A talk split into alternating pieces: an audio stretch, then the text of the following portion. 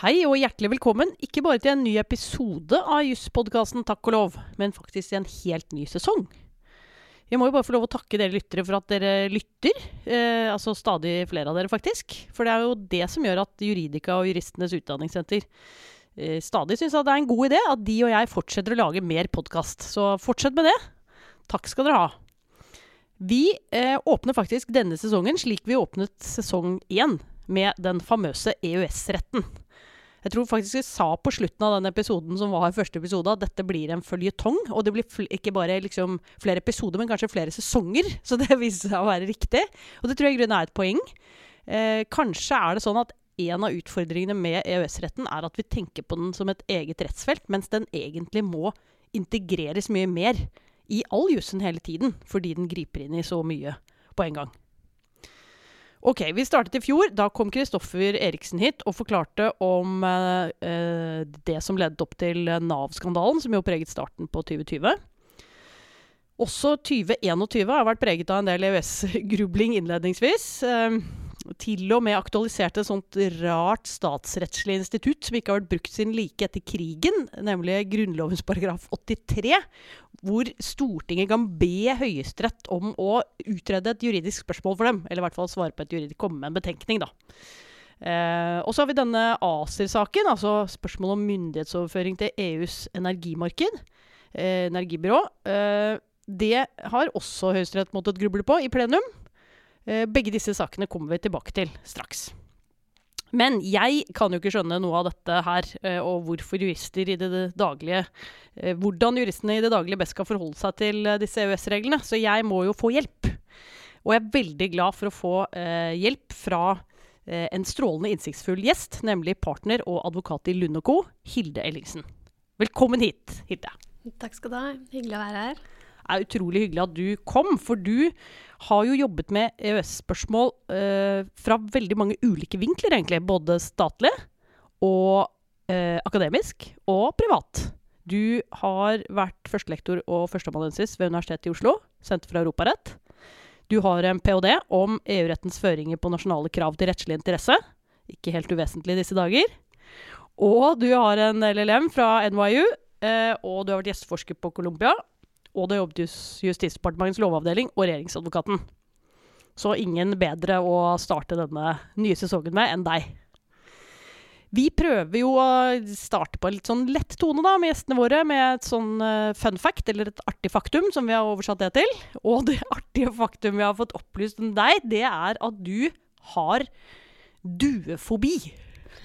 Kan du utdype denne frykten? Å ja, duefobien, ja. Blir nesten helt svimmel bare av å snakke om det. Men uh, Det er så sterkt? Ja, Nei da, det er ikke så sterkt. Jeg har jo lest litt om dette og skjønt at det er uh, ulike grader av duefobi. Ja? Uh, og det er heller ikke sånn helt sjeldent. Noen har jo så sterk duefobi at de ikke klarer å gå ut av døren i frykt for å møte en due. så jeg er, jo ikke, ikke helt der. Um, så, ja, men, nå fikk jeg sånn jeg, Da jeg gikk hjem fra å spilte inn forrige podkastepisoden, så eh, der, Av og til står det sånne damer som mater duene. Det er ja. ikke noe for deg? Nei, det er absolutt ikke noe for meg. At de samler seg rundt og Ja, nettopp. Jeg skjønner jo ikke hva de er laget av. Nei. De mater duer. Så nei, jeg er jo til og med sånn som sier ifra hvis det er noen som mater duer. Det, så skammer jeg meg litt etterpå, da. Etter å ha sagt før. Jeg tenker, Men hva, bare ha gått. hva er det du sier fra av sånn 'dette skaper rotteproblemer' og sånn? Eller er det sånn Er du klar over hvor engstelig jeg blir når du Kanskje en kombinasjon Kan du vennligst la være å mate duene? Ja, vær så snill. Så, nei da. Men, eh, men jeg, har jo, jeg, har jo, en god venninne som har hatt duefobi i årevis. Og jeg skjønte aldri helt den greia før jeg selv ble fanget inn i en sverm av duer da jeg var på, på løpetur. Okay. Og det var duer og vinger overalt. Litt sånn Hitchcock, eh, men bare duer? Nettopp. nettopp. Okay, og etter det så ble jeg aldri den samme. Så nå må jeg ta forholdsregler hvis jeg skal ta flytog fra Nationaltheatret og legge litt marginer i tilfelle det er en duesverm ved inngangspartiet og jeg må finne en annen vei inn. Så nei da. Det... Hoppe på noen dueforordninger kanskje fra EU snart, da. Ja, det ville vært fint. ja, vi må over til dagens tema, um, EØS-rett. Lurer på om vi skal starte like basalt som vi startet sist vi snakket om dette. Kan vi bare Hva er EØS-rett, egentlig? Ja, hovedformålet med EØS-avtalen er jo egentlig å innlemme EØS-EFTA-statene, altså Norge, Island og Liechtenstein, i EUs indre marked. som er basert på eh, fri flyt av varer, tjenester, personer og kapital. Og fordelen for EU er hva, og fordelen for oss er hva? Det er jo tanken at det skal sikre et marked da, med de samme karakteristika som eh, et nasjonalt marked. hvor disse eh, som kjennetegnet av disse fire frihetene vi gjerne snakker om. Eh, så fire friheter er på mange måter kjernen. Så har du også i EØS-avtalens hoveddel regler om både statsstøtte og konkurranserett som skal sikre like konkurransevilkår. Uh, og I tillegg til EØS-avtalens hoveddel så har du mye sekundærlovgivning, altså direktiver og forordninger. Bare helt kjapt, hva er direktiver og hva er forordninger? Direktiver og forordninger er jo rettsakter fra EU. Eh, men de er litt ulike, eh, særlig når det gjelder hvordan disse skal gjennomføres nasjonalt. Eh, en forordning skal gjennomføres som sådan, heter det i EØS-avtalen. Og i det så ligger det at den skal tas rett inn i nasjonal rett, da gjennom inkorporasjon. Eh, så på mange måter kan du si at en forordning er en fiks ferdig lovtekst som uten videre skal gjøres til en del av norsk rett. Så det er ikke sånn at lovgiver kan endre eller eh, ta inn forordningen, stykke den opp og ta den inn i ulike lover. Eh, vanligvis har man bare en enkelt inkorporasjonsbestemmelse, enten i lov og forskrift, som sier at den og den forordningen med EØS-tilpasninger gjelder som norsk lov. Ok, Så det er det man gjør, og da ligger den der i sin org originale språkdrakt, og det er den som gjelder? Ja, den er jo egentlig offisiell. Eh, nei, den er jo egentlig like gyldig i alle offisielle språkversjoner. Ja. Som kan gjøre det litt vanskelig å, å, finne frem. Ofte må man konsultere ulike språkversjoner for å finne frem til den riktige tolkningen. Eh, så med det er forordningene. og Hvis du går videre og ser på direktivene, eh, så er det litt annerledes. Det ser også ut som en lovtekst. Men når det gjelder direktivene, så er det bare innholdet som er bindende for statene. Eh, så det betyr at man kan gjennomføre eh, direktiver i eh, norsk rett på en annen måte enn det man gjør med forordninger. På mange måter kan et direktiv gli mye mer sånn sømløst inn i norsk lovgivning, og være mye mer sånn i tråd med norsk lovgivningstradisjon. I bunn og grunn så krever egentlig EØS-retten at du vedtar regler med et bestemt innhold. Så er det opp til statene selv å velge hvordan det skjer, nærmere bestemt. Ja, nettopp. Og øh, hvis man skal For EØS-rett, det skjønner jeg jo da øh, at det gjelder for oss her i EØS-området. Men hvordan er forholdet mellom EØS-retten og EU-retten? Utvikler de seg likt? Er det det samme, eller er det øh, noe ulikheter der? Ja, det er et godt spørsmål. Um, jeg, svaret er jo litt komplisert. I EØS-avtalens fort, fortale så har du en målsetning om dynamisk ensartethet. Det, var, det, er fint ord. Det, det, hva betyr det? Ikke sant, Hva betyr det?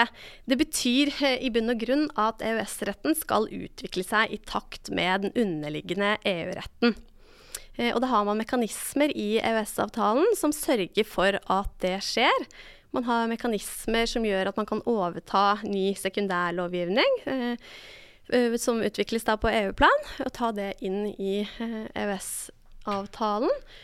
Uh, og I tillegg så har man da mekanismer som sørger for at EØS-retten skal tolkes i tråd med den underliggende EU-retten.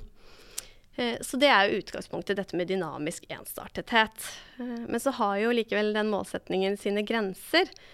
og det henger sammen med at selv om man har mekanismer for å overta denne sekundærlovgivningen, så har man ingen mekanismer for å endre EØS-avtalens hoveddel. Nei, så hvis den er i utakt Nettopp. Og Er det noen eksempler på det? Ja, den er litt i utakt. På mange måter kan man si at EØS-avtalens hoveddel speiler EØS-retten eh, sånn som den så ut da avtalen ble inngått. Men det har jo skjedd en del i EUs traktatverk siden det. Ja. Og det er ikke speilet i EØS-avtalens hoveddel. Som kan skape litt problemer. Eh, da blir jo spørsmålet hvor langt kan du trekke den homogenitetsmålsetningen da, når det er ulikheter i dette traktatverket. Eh, og du spurte om eksempler. Jeg kan jo nevne et par eksempler. Eh, det ene er jo at i 2009 så fikk EU et bindende charter om grunnleggende rettigheter. Det er litt sånn menneskerettighetene i EU-variant, liksom? Nettopp. Ja. Menneskerettskatalog. Mm. Eh, som har samme status da som de andre to traktatene. Eh, og, Hvilke to traktater var det igjen? eh, TU og TFU. Og det, det det er? er eh, Ja, nå snakker jeg nesten engelsk. Treaty on the Functioning of the European Union. eh, eh, Treaty on the European Union. Så det er helt grunnleggende traktater? Ja, de vanlige to traktatene. Ja. Um, og så kommer dette charteret så i kommer det tillegg. charter i tillegg, som har samme status som disse andre to traktatene, eh, som da ikke er en del av EØS-retten. Eh, og det har jo stilt eh, EFTA-domstolen overfor eh, en problemstilling. Hvordan håndterer vi det i EØS-retten? Kan man likevel si at disse rettighetene også inngår der? Og det har EFTA-domstolen i noen grad løst ved å si at disse rettighetene reflekterer generelle EØS-rettslige prinsipper. Men hvordan kan det være det når starten var et økonomisk samarbeid med fire friheter, og så kom disse, alle disse andre frihetene og rettighetene inn Mm. i tillegg? Ja, men det er jo vanskelig å skulle mene at rettighetsbeskyttelsen skal være dårligere i EØS enn i EU. Hvorfor? Så nei, jeg tror man, man har jo i hvert fall EU-retten. Man sier jo at det er jo basert på rettsstat og menneskerettigheter. Ok, så det er jo der det kommer igjen? Ja, ikke sant. Det er jo ikke en ren økonomisk union, EU-retten. Eh, og det har på mange måter også spilt over i EØS-retten. Eh, og, og de prinsippene du finner igjen i dette charteret, er jo i stor grad kodifisering av generelle prinsipper som EU-domstolen hadde etablert lenge før det charteret kom på plass. Eh, Så da sier EFTA-domstolen at de prinsippene, eh, disse rettighetene, gjelder også her. Så er det spørsmålet hvor langt du kan trekke dette. Da kan du si at hele eh, charteret er en del av EØS-retten. Det er ikke uten videre gitt. Men en avgjørelse som ble avsagt tidligere denne uken, så slo EFTA-domstolen fast med ganske bred penn at, at eh, disse menneskerettighetene utgjør generelle EØS-rettslige prinsipper. Så det blir et spørsmål hvor mye skal man legge i det. Ja, det, um, en ting er jo å si det. det spørsmålet er vel, vel Problemstillingen oppstår vel først når det kommer på spissen da, i en eller annen sak. Nettopp. Ikke sant? Det er vel snakk om retten til familieliv. Så, men jeg er ikke uten videre eh, gitt at man kan trekke det her til sin fulle bredde eh, når det gjelder alle disse rettighetene som er nedfelt i charteret. Øh, hvilke konsekvenser kunne det fått da? Hvis, for, for er det slik at retten til familieliv i EU-charteret er eh, sterkere enn f.eks. etter EMK, altså Den europeiske menneskerettighetskonvensjon, slik at det kan bli noen forskjeller for Norge? Vet du hva, Her er egentlig EU-domstolen ganske synka med EMK. Ok. eh, Og de viser i stor grad til eh, praksis også fra, fra EMD. Så jeg tror ikke du vil finne de helt store forskjellene der. Så det er ikke sånn veldig stor forskjell i praksis, eller inneholder charteret andre typer rettigheter enn det eh, Den europeiske menneskerettighetskonvensjonen gjør? Det er også retten til å drive virksomhet, f.eks. Um, som er en mer sånn økonomisk rettighet, som du ikke vil finne igjen i EMK. Um, men når det gjelder disse mer sånn genuine menneskerettighetene, som du også finner i NMK, så, så er tanken der at charter skal ikke gi dårligere rettigheter, men man kan gå videre enn dette. Hei, Sturla. Hyggelig å se deg igjen. Hallo. Eh, sesong tre, Torbjørn. Du, hvem hadde trodd at vi skulle ha tre sesonger for et par år siden når vi begynte å planlegge Takk og lov? Nei, det var det vel egentlig ingen som hadde sett for seg at det skulle gå sånn som det har gått. For eh, vi nærmer oss jo nå 100 000 eh, avlyttinger. Ja, det gjør vi. Og flere blir det hele tiden. Det gjør det, altså. Dette vokser, og vi er kanskje kommet til et punkt hvor det ikke lar seg stoppe. Jeg håper det. Og dessuten må vi jo si at vi har god drahjelp fra lytterne, som har sendt inn ganske mange temaer til oss etter vi oppfordret til det i slutten av forrige sesong. Det hadde vi, og det har kommet mye morsomme innspill inn og har vært veldig avgjørende for hvilke temaer vi ender opp med denne sesongen. Og da er det jo ekstra gøy at vi starter med EØS-retten eh, som en ryggmargsrefleks, rett og slett. Og dette temaet er jo også veldig viktig for jurister. Å holde seg sjur på, både nå og i de månedene og årene som kommer. Så hvis vi skal gå rett inn på litteratur, tidsskrifter og praksis, Sturla, hva er det du vil anbefale? Jo, jeg vil jo si at uh, ved å gå inn på juridika.no uh, og søke på EØS-rett, så vil du finne mye relevant uh, litteratur. Eh, og kanskje først og fremst må jeg jo si at i juni, eh, så det er jo rett rundt hjørnet, da kommer neste utgave av oversikt over EØS-retten. Da kan du få på, på en måte presentert hele bildet, eh, Mhm. sånn at du senere kan gå ned i detaljene. Eh, Den boken er skrevet av Finn Arnesen, mannen som sto bak eh, rapporten om Nav-skandalen som ble bestilt. Simen Hammersvik, Olav Kolstad, Ole Andreas Rognstad og Erling Hjelmeng. Så vil du også finne en kommentarutgave, kommentarutgave til EØS-avtalen. Mhm. Utrolig praktisk. Du kan slå opp i de ulike delene og finne svar. Eh, Den er skrevet også av Finn Arnesen som redaktør, sammen med Halvard Haukeland Fredriksen, Hans Petter Graver, Olav, eh, Ola Mestad og Kristoff Wedder. Eh, Og så må jeg også si Kanskje du er interessert i å få med deg Norges europeiske forvaltningsrett. Jeg tenker Det er jo superaktuelt. Mm. EØS-avtalens krav til norsk forvaltning, eh, organers organisering og saksbehandling, Mm. er en lang undertittel, men den klarer jo mye. Skrevet av Kristoffer eh, Konrad Eriksen og Halv, Halvard Haukeland Fredriksen. Eh, så jeg kan ikke love at du finner alle svar i, i, på Juridika, men du vil finne mye. Eh, men når du har lest litteraturen, Torbjørn, hvordan tar du det videre da? Ja.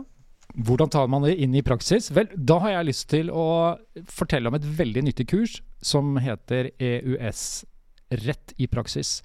Og det er et eh, kurs som er digitalt, bestående av et e-kurs og et webinar og med et gruppearbeid. Så her er det mye aktiv læring for de som eh, melder seg på, og det går av stabelen 5. mai. Og så bør du også få med deg lunsjwebinaret om eh, klimasøksmålet den 23. mars. Og På dette kurset så blir dommen analysert av Jenny Sandvik, som dere jo kjenner til. Og hva kan jeg si? Gå inn på just.no og bestill et abonnement. Eh, Men dette syns jeg er en kjempeidé, Torbjørn. Les litt av litteraturen på juridika.no. Eh, Delta på noen av kursene hos dere på nett. Eh, Men først av alt så syns jeg du skal høre med på hva Anine og Hilde skal snakke om videre i denne episoden. Ok, vi, eh, når i den grad det i det hele tatt er diskusjon om eh, EØS-rettslige spørsmål eh, i eh, offentligheten, så eh, dreier de seg av og til om eh, litt, en litt sånn polarisert variant. Enten er dette helt saliggjørende og avgjørende for Norge av alle økonomiske grunner, eller så er det fjernstyring fra Brussel og overnasjonalitet som vi ikke vil ha. Og, og hvordan dette forholdet mellom Stortinget som lovgiver her hjemme og eh, eh, EØS-retten. Hvordan, kan du si litt om hvordan dette henger sammen? Er det, en, eh, er det slik at EØS-retten begrenser Stortingets makt, eller utvider den Stortingets makt på noen måte? Mm. Ja, ikke sant. Det er et ganske stort spørsmål, så det rommer veldig mye. Men jeg kan jo prøve. Jeg tenker i hvert fall Utgangspunktet er jo det at EØS-retten stiller både negative og positive krav til norsk rett. Eh, Og med negative krav så mener jeg at EØS-retten eh, forbyr regler av en viss type. Tips Typisk det at du, du kan ikke ha ulovlige restriksjoner på den frie bevegelighet. Det er jo et sånn klassisk tilfelle. Og i tillegg så oppstiller også EØS-retten positive krav til den regulering du skal ha nasjonalt. Så både noen sperrer for hva Stortinget kan lovgi om, og så er det noen føringer om hva Stortinget må lovgi om. Ja, Ja. nettopp. Det er begge deler. Så når det gjelder eh, dette med de fire friheter, så er det jo spørsmål om hvorvidt du har å gjøre med en ulovlig restriksjon. Mm. Um, dette restriksjonsbegrepet i EØS-retten favner jo ganske vidt. Men så er det ikke sånn at enhver restriksjon nødvendigvis er ulovlig. Hva Den skal til for at den er lovlig? Den kan rettferdiggjøres hvis den forfølger et legitimt formål, og den er forholdsmessig, i betydningen da egnet og nødvendig. Så det tvinger jo mange måter, på mange måter lovgiver da, til eh, å begrunne de restriksjonene man eventuelt har i norsk lovgivning. Og ofte så kan jo de passere dersom de er tilstrekkelig godt begrunnet. Sånn at hvis man eh, legger begrensninger på å ta med seg trygdeytelser til andre land f.eks., og det er godt begrunnet, så kunne det vært eh, Jeg vet ikke om jeg skal gi meg akkurat inn i den materien der, men man må i hvert fall begrunne det. Ja. Det tror jeg vi kan være enige om. Men hva er det som gjør, da, for nå har vi jo uh, holdt på med denne EØS-avtalen siden uh, tidlig på 90-tallet, og så er det selvfølgelig sånn at det kommer inn masse rettsakter hele tiden i tillegg, uh, som kompliserer bildet litt, eller iallfall utvider rettskildebildet. Um, men hva er det som gjør at vi stadig kommer opp i sånne EØS-rettslige problemstillinger, da? Er, det, er, det vi jurist, er vi for dårlige til å se at det er, det, at, at det er problemstillinger der, eller kan vi ikke jussen godt nok, eller? Jo, ja, EØS-retten kompliserer jo rettskildebildet på mange måter. Um, det er jo sånn at Hvis man har å gjøre med en problemstilling som har en side til EØS-retten, så vil jo hele den EØS-rettslige metoden slå inn. Du kan ikke da benytte den alminnelige juridiske metoden vi er vant til. Når du tolker EØS-retten, så må du ty til samme metode som EU- og EFTA-domstolen benytter, eh, som bl.a. betyr at man må, man må se på rettspraksis fra disse domstolene. Hvordan, hvis det går an å si noe sånn litt overordnet om, om hvordan de metodene eh, skiller seg fra hverandre. Altså Den ordinære rettskilderen eh, som, holdt på med Eckhoffs eh, relevante rettskilder, og så kommer EØS-retten. Hva, hva, er hovedforskjellen på hvordan vi nærmer oss veien frem til en regel? Nei, Vi starter jo i ordlyden, eh, men som vi var innom i sted, så har man jo flere ulike offisielle språkversjoner bl.a. Som ja. gjør at du ofte da må konsultere eh, flere, eh, flere, varianter av et direktiv eller forordning.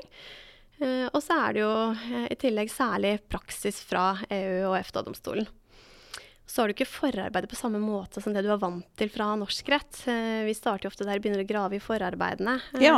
Vi har litt sånn korte lover og store forarbeider har vi. Ja. Det syns vi er fint. Ja, ikke sant. Men så ser du at disse rettsaktene som kommer fra EU, er jo ofte mer detaljerte, eh, mer byråkratisk språk. Og det er en litt sånn annen lovgivningsteknikk enn det vi er vant til. Blir, gir vi opp? Blir vi helt sånn åh, dette, jeg klarer ikke å lese dette? Nei, jeg tror vel kanskje ikke vi gir opp. Jeg tror Hvis vi først kommer på sporet av den EØS-rettslige problemstillingen, så tror jeg vi går, giver på med, med godt mot. Eh, med litt av problemet, sånn som ble kartlagt i denne Nav-saken, er jo disse blindsonene. Ja. At det noen ganger er vanskelig å fange opp at saken har en side til EØS-retten.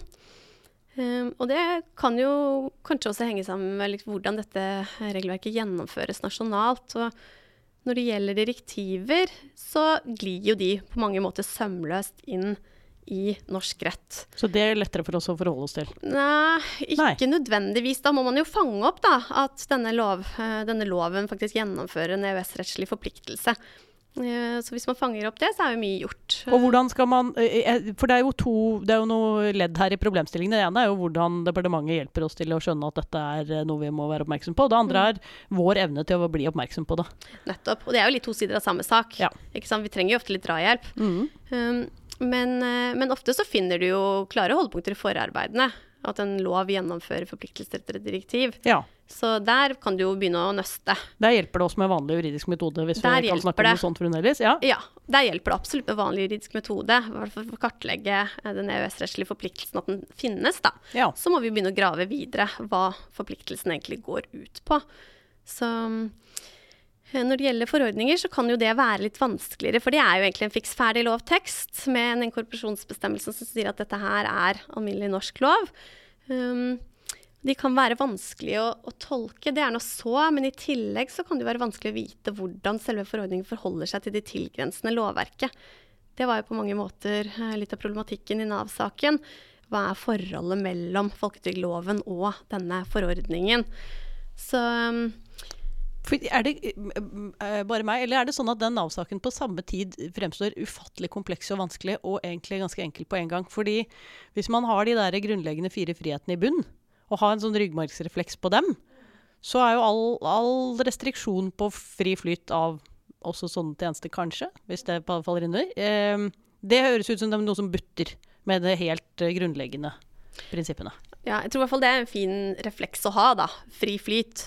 Er det en restriksjon på den frie bevegelighet? Jeg tror mm. man kommer langt med å i hvert fall ha det eh, litt i, i, ryggmargen. Men det er klart, Nav-saken er jo litt mer komplisert enn sånn så også, fordi det er uenighet om hvordan denne forordningen skal tolkes. Ja. Um, men jeg tror, ja, jeg tror vel det at i hvert fall jurister bør ha en litt sånn sens på akkurat dette med fri bevegelighet, og ta det med inn i tolkningsprosessen. Um, jeg merket meg nå at uh, Høyesterett har kommet ut med en sånn ny advokatveileder, et sånn nytt punkt i uh, advokatveilederen. Ja, For dette er en, det er en veiledning som Høyesterett lager til de advokatene som skal føre saker der? For ja, hva de ønsker at de skal forberede? Ja, det er på mange måter hva advokatene skal ta opp da, i anker og mm. anketilsvar. Uh, og der har de en ganske sånn god smørbrødliste uh, over hva man særlig skal se etter, da, for å se om en sak aktualiserer EØS-rettslige spørsmål. Mm, og der nevner de bl.a. det. Liksom, foreligger det et grenseoverskridende element? Er det slik at aktører fra andre EØS-stater diskrimineres mm. direkte eller indirekte? Er det på annen måte en restriksjon, eller ja. er det slik at saken, eller denne, dette lovverket gjennomfører forpliktelser etter EØS-retten? Eh, og jeg tenker på mange måter at det kan jo være en sånn god sånn smørbrødliste som juristene kan ta med seg. og og, Trenger ja. ikke være begrenset til saker for Høyesterett, den? Nei, og det Nei. tror jeg ikke tanken er heller. Nei. Jeg tror nok det er meningen at det skal fanges opp på et langt tidligere tidspunkt. Ja. Så, så akkurat den listen der tenker jeg er fin å ha på, på korktavla. Og det er jo heller ikke sånn at enhver jurist må være ekspert på EØS-rett. Det Absolutt ikke. Jeg tenker at hvis man jobber på et særlig saksfelt, så er det jo fint å ha en oversikt over det regelverket som gjelder der. og Ja, for det er kanskje mitt inntrykk litt, at uh, vi uh, Jussen er jo blitt mer spesialisert. Selv om vi utdannes til å bli generalister, så um, er vi jo ganske trenet i å skjønne når, noe, når et spørsmål oppstår på et rettsfelt som vi ikke kan så mye om. Nettopp. Er det noe skatterett her? Ok, Nettopp. jeg må spørre han eller hun. Uh, men det gjør vi kanskje ikke i samme grad når det gjelder EØS-retten. Nei, men jeg tror det er jo egentlig akkurat det samme som skal til. Vi jurister er jo trent i en juridisk metode. Vi klarer å identifisere de rettslige problemstillingene. Og Så har vi de verktøyene som skal til for å vite hvordan vi skal løse problemstillingen. Jeg tenker det er jo mye av det samme som skal til på EØS-rettens område. Kanskje i hvert fall særlig å klare å fange opp disse problemstillingene. Du har jo sett dette fra flere vinkler, som jeg var innom litt eh, innledningsvis. Um, hvis vi bare setter eh, søkelyset litt på akademia, hva eh, jusutdannelsen burde endres for at vi blir bedre trent til dette? Jeg tror nok kanskje det bør mer EØS-rett inn på, på jusutdannelsen. Nå er det vel fem studiepoeng på andre år, så det er nok kanskje litt lite. Um, så lurer jeg vel kanskje også på om det kanskje kan være litt tidlig i studiet. Om man er moden nok til å ta inn over seg EØS-retten og hvordan den slår inn i alle de andre fagene. Så, I hvert fall nå snakker jeg med meg selv, at jeg tror ikke jeg var helt i stand til det på andre avdeling. Jeg klarte jo, klarte jo å fange, eller klarte jo å pugge disse standardformuleringene fra EU-domstolens praksis om hva som utgjorde en restriksjon, og, og når den kunne være rettferdiggjort. Men jeg tror nok kanskje ikke jeg skjønte helt hvilken betydning det hadde, og hvordan EØS-retten da grep inn i, på andre rettsområder. Ja, for dette er jo holdt jeg på å si, jusstudiets evige utfordring. Jeg har inntrykk av at det er et studium som alltid er i reform på en eller annen måte. Og det er jo nettopp det at alt biter seg selv litt i halen. Vi Ja. må lære om det på et eller annet tidspunkt, og kanskje er det fint å ha det på andre året, for der har vi statsrett, og der har vi folkerett, og der har vi menneskerettigheter og forvaltningsrett. Men, men at det burde integreres bedre i alle fag som man lærer videre i studiet også, kanskje? Ja, det er kanskje noe i det. Um? For det gir jo ikke helt mening å se EØS-retten som et isolert fag heller. Selvfølgelig, man må jo lære det som et isolert fag, men kanskje også da ta opp igjen det man har lært senere i studiet. Kanskje ha en EØS-bolk i noen av de andre fagene man har i de senere årene. For, å se, for å se det samspillet, da. Litt som rettskildelæren, at man lærer den, og så lærer man den om igjen. Eller har den, tar den opp igjen i alle fag. Ja, og kanskje også ha litt EØS-rett inn i rettskildelæren. Ja, det høres jo nærliggende ut. Ja, ikke sant. Det var litt sånn en EØS-rettslig metode. Så, Ja. så kanskje Vi- man i hvert fall blir litt mer komfortabel da, med, med EØS-retten. Jeg tror ikke det er så mye som skal til heller. En ting som eh, studentene er fascinert av akkurat nå, det er jo når det er eh, aktuelle saker som eh, illustrerer noen av de problemstillingene som vi er innom her. Og det er jo to aktuelle saker som gjør det nå. Både denne ACER-saken og eh, saken om EUs fjerde jernbanepakke. Kan du gi oss et kort innblikk i dem? Altså Jeg nærmer meg dem jo fra et sånn statsrettslig synspunkt, og der er det veldig interessant, fordi den ene saken, ACER-saken, den er det er på en måte et spørsmål som ikke har oppstått ennå. Og så har Nei til EU sagt at eh, dette må, er jo myndighetsoverføring, så den må vedtas med større flertall i Stortinget. Og så har domstolene sagt at eh, det kan kanskje hende, men det må vi se på etter at det eventuelt har oppstått. For vi driver ikke og prøver ting abstrakt her i landet. Og sannelig så gjør vi jo det likevel, fordi vi har en rar bestemmelse i Grunnlovens paragraf 83 som sier at eh, Stortinget kan be om høyesterettsbetenkninger i, i rettslige spørsmål. Og det har Stortinget gjort, og det gjelder jo nesten akkurat det samme spørsmålet, nemlig hva skal til for at vi skal bruke et kvalifisert flertall for å tilslutte oss eh, internasjonale avtaler, og hva skal eh, til for at vi kan gjøre det på den vanlige måten etter Grunnlovens paragraf 26 annet ledd, med et alminnelig flertall. Men hva er de underliggende problemstillingene her? Er de det samme? Det er to sånne EU-dyr som vi skal eller ikke skal være med i, og hva skal de bestemme? Mm. Ja, det er klart at disse to sakene har jo en del fellesnevnere. Eh, fordi det begge knytter seg til myndighetsoverføring til, direkte eller indirekte til sånne EU-byråer. Så, men samtidig så er det visse forskjeller mellom disse sakene også. Eh, ikke bare hvilket spor eh, de kommer opp på på Høyesterett, men, men, også hva slags type myndighet som overføres. Og også hvilken form for tilslutningsform man har valgt, da. Eh, men når det gjelder denne ACER-saken først, så mer overordnet så handler jo den saken om Norges tilslutning da til, eller tilknytning til EUs eh, e marked for energi. Ja. Men som du var inne på, så, så er det jo det Høyesterett nå skal ta stilling til i første omgang, er jo et rent prosessuelt spørsmål. Nemlig om Nei til EU har rettslig interesse i saken overhodet. Uh, så partene partene blir jo enige om å avgrense saken til det, mm. først og fremst. Eh, sånn at det underliggende spørsmål bare kommer opp eh, i en eventuell neste runde. Så som du sier, så jo, handler jo dette om det skal være adgang til en såkalt abstrakt grunnlovskontroll, abstrakt prøving Nettopp. opp mot Grunnloven. For utgangspunktet er hvis det blir et problem, så kan domstolene prøve det. Men nå er det sånn, vi vet ikke om det er et problem ennå. Men det kan tenkes at det blir et problem. Kan domstolene prøve det før det oppstår? Nettopp. fordi staten mener jo det at det, um, ja, Man må kanskje spole litt tilbake og gi litt kontekst før man kan egentlig redegjøre for hva statens syn er.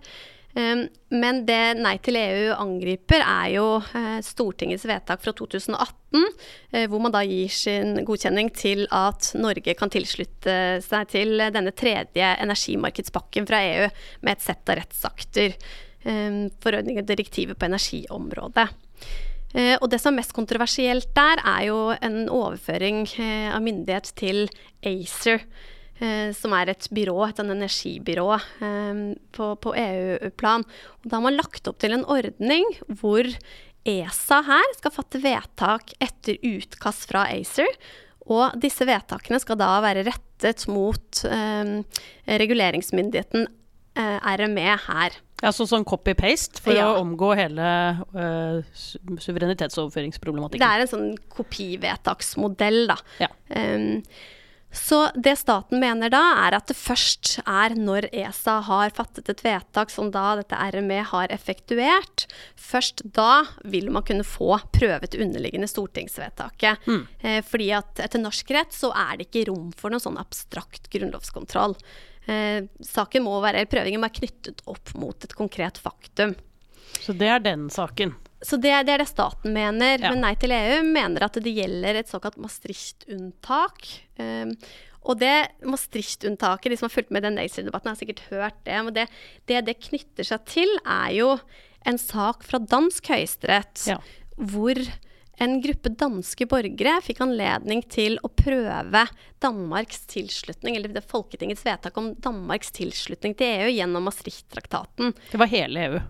Ja. Og da la, da la um, dansk høyesterett vekt på at dette her var snakk om en overføring av lovgivningsmyndighet som ville ha en ganske sånn inngripende, inngripende virkning da for borgere flest. Så det er jo spørsmålet i denne ACER-saken om det gjelder noe sånn tilsvarende Maastricht-unntak etter norsk rett, og i så fall om det kan komme til anvendelse i denne saken. Så nettopp. Så vi eh, egentlig har vi litt ulik eh, prøvingsrett enn Danmark. Eh, Dvs. Si den er prinsipielt ganske lik, men danskene bare bruker ikke sin i det hele tatt.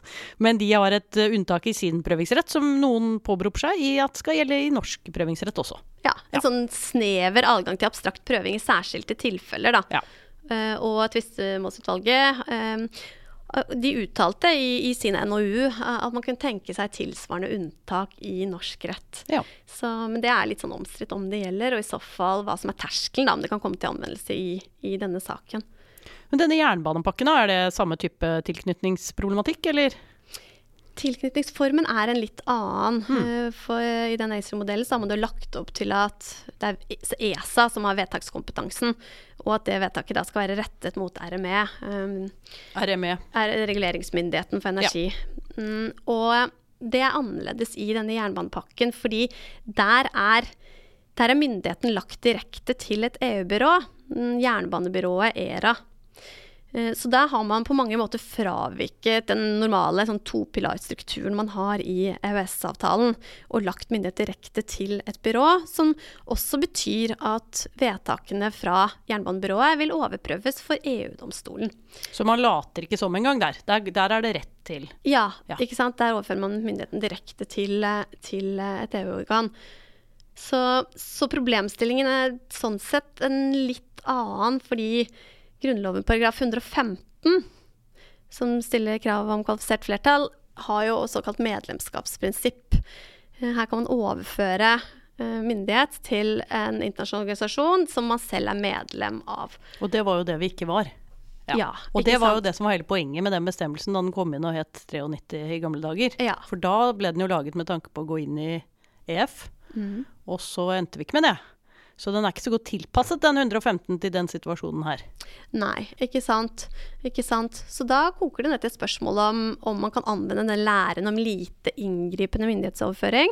For i sånne tilfeller så må man ikke bruke paragraf 115. Da kan man bruke den alminnelige bestemmelsen i paragraf 26 annet ledd. Ja, for utgangspunktet er regjeringen får lov å inngå avtaler i utlandet. Og så må noen av dem godkjennes i Stortinget hvis de er store og viktige. Mm -hmm. eh, og hvis de er ekstra store og viktige, eller overfører myndighet eh, som ikke er litt inngripende, så må de vedtas med kvalifisert flertall. Og det er i grunnen der striden står hele tiden. Det er nettopp det. Det er der, ja, det er der striden står. Så, så Høyesterett skal jo få lov å uttale seg om, om dette, eh, i hvert fall i denne jernbanesaken. Og hvis, eh, hvis, saken slipper gjennom og det konstateres at Nei til EU har rettslig interesse, så kommer jo denne problemstillingen også opp i ACER-saken. Dette blir veldig spennende. Eh, de som følger med, får se hva som skjer. Eh, det kommer vel Når tror vi det kommer avgjørelse? Er det Det vet Vanskelig vi ikke ennå. Vanskelig å si. Nei, det vet vi ikke. Si. Vanskelig spørsmål, iallfall. Vi eh, har en spalte i denne podkasten eh, som heter eh, Ukens tall. Og ukens tall er 24. Hva tror du ukens tall refererer seg til? Å, det var vanskelig. Jeg prøvde å lure deg litt utpå her i sted med ja, ukens tall, og så spurte jeg sånn Har det noe med tematikken eh, i dag å gjøre? Og, det har noe med noe vi har snakket om i dag å gjøre. Det har noe med noe vi har snakket om i dag. 24. Det er lov å si pass òg. Ja, vet du hva, jeg vet ikke. Det var veldig vanskelig. Kunne vært julaften. Ja, er ikke det? jeg tenkte faktisk julaften. Men det er omtrent i samme størrelsesorden. Det er nemlig at vår strålende høyesterettsdommer Magnus Matningsdal kommer til å gå av etter 24 år i Høyesterett. 1.3 er det frist for å søke på stillingen etter ham. Det å søke stilling som høyesterettsdommer, det er jo avskrekkende nok i seg selv. Men eh, det, vi påstår at det er ekstra avskrekkende her, for det er noen skikkelig store sko som skal fylles etter dommer Matningsdal. Men eh, det er det jo bare å håpe at eh, folk gjør, da. Vi trenger jo å ha de bleste blant oss i Høyesterett, så hvis du alltid har gått med en liten høyesterettsdommer i magen, så er det kanskje nå du skal slå til. Det, hadde det vært noe for deg, eller? Vi får se. Det, det er litt, litt, tidlig, er det ikke det man pleier, pleier å si? ja, ja, når jeg søkte USA, så skulle man jo bare kjøre på og skryte hemningsløst. Så da tror jeg jeg hadde en bisetning om at det var målet på sikt. Okay. Så jeg skammet meg da det var noen etterpå som skulle spurt om de kunne se søknaden min til USA. Da hadde jeg egentlig ikke lyst til å dele den. Nei, det, var så enig. flaut. Det er to helt forskjellige ting. Jeg fikk en sånn referanse da jeg skulle søke på noe i USA, fra en eller annen som var vant til hvordan de holdt på der borte. Og den, var sånn, den kan jeg ikke ta frem uten å bli helt flau. Nei, jeg er redd bare jeg snakker om det. Det er ikke bra. Ja, da har vi jo faktisk fått uh, slått sammen for første gang i podkastens historie spaltene Ukens tall og Har du hørt? Så bra, da. Ja, da gjenstår det bare for meg å si tusen takk til deg, Hilde. Dette har vært uh, utrolig Det er jo et kjempestort tema, men du har i hvert fall for meg anskueliggjort det. Jeg burde jo kunne dette her, men jeg føler at jeg aldri helt klarer å skjønne alt uh, likevel. Uh, føler at jeg har skjønt litt mer i løpet av dagen. Veldig glad for det. Det er kronglete. Litt mindre kronglete nå. Og tusen takk også til dere lyttere. Dere er selvfølgelig hjertelig velkommen tilbake neste uke. Da skal dere få lære litt mer om naturskader. For hva gjør vi hvis vi blir utsatt for naturkreftene på ødeleggende måter? Vi har eh, takk og lov fått med oss advokat Tom Sørum til å belyse dette, som er et på alle måter vanskelig tema. På gjenhør!